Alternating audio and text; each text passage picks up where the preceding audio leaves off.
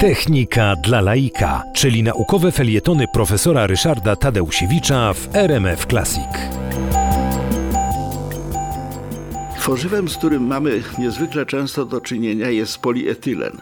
Odkrycie polietylenu jako tworzywa, jako substancji było dosyć dawno, mianowicie w 1898 roku Hans von Pechmann, niemiecki fizyk, wytworzył takie tworzywo, ale zupełnie nie wiedział, co z nim można by było zrobić.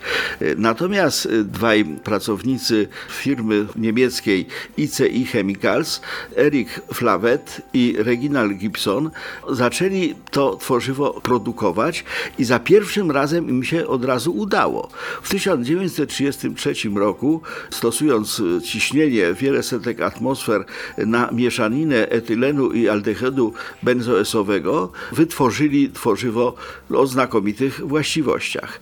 Natomiast y, powtórzyła się historia niektórych innych odkryć. Mianowicie po pierwszej udanej syntezie, przypomnę, 1933 rok. Potem przez wiele lat nie udało się tego powtórzyć. Okazywało się, że robiono wszystko tak samo, a jednak tworzywo nie udawało się wytworzyć.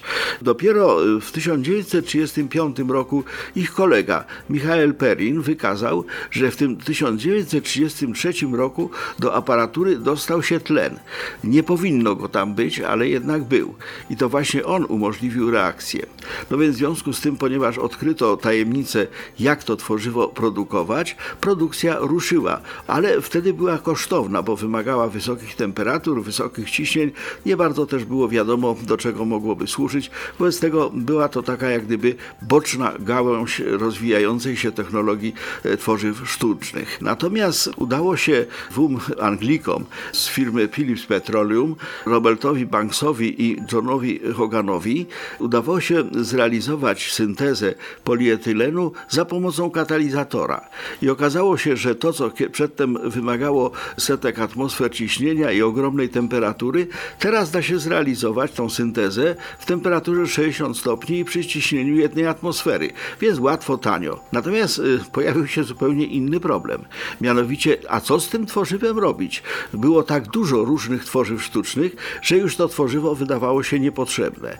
I właściwie polietylen jako odkrycie zostałby tylko w historii nauki, gdyby nie to, że w 1967 roku wybuchła moda na tak zwany hula hop. Hula hop polegał na tym, że ludzie, którzy uprawiali tę zabawę, kręcili na biodrach takie obręcze, które miały nie spadać. Trzeba było tak manewrować ciałem, żeby te obręcze nie spadały i okazało się, że właśnie na te obręcze, na te koła do hula polietylen się znakomicie nadawał. No a skoro już przetarł drogę, no to potem zaczął być stosowany do wszystkiego.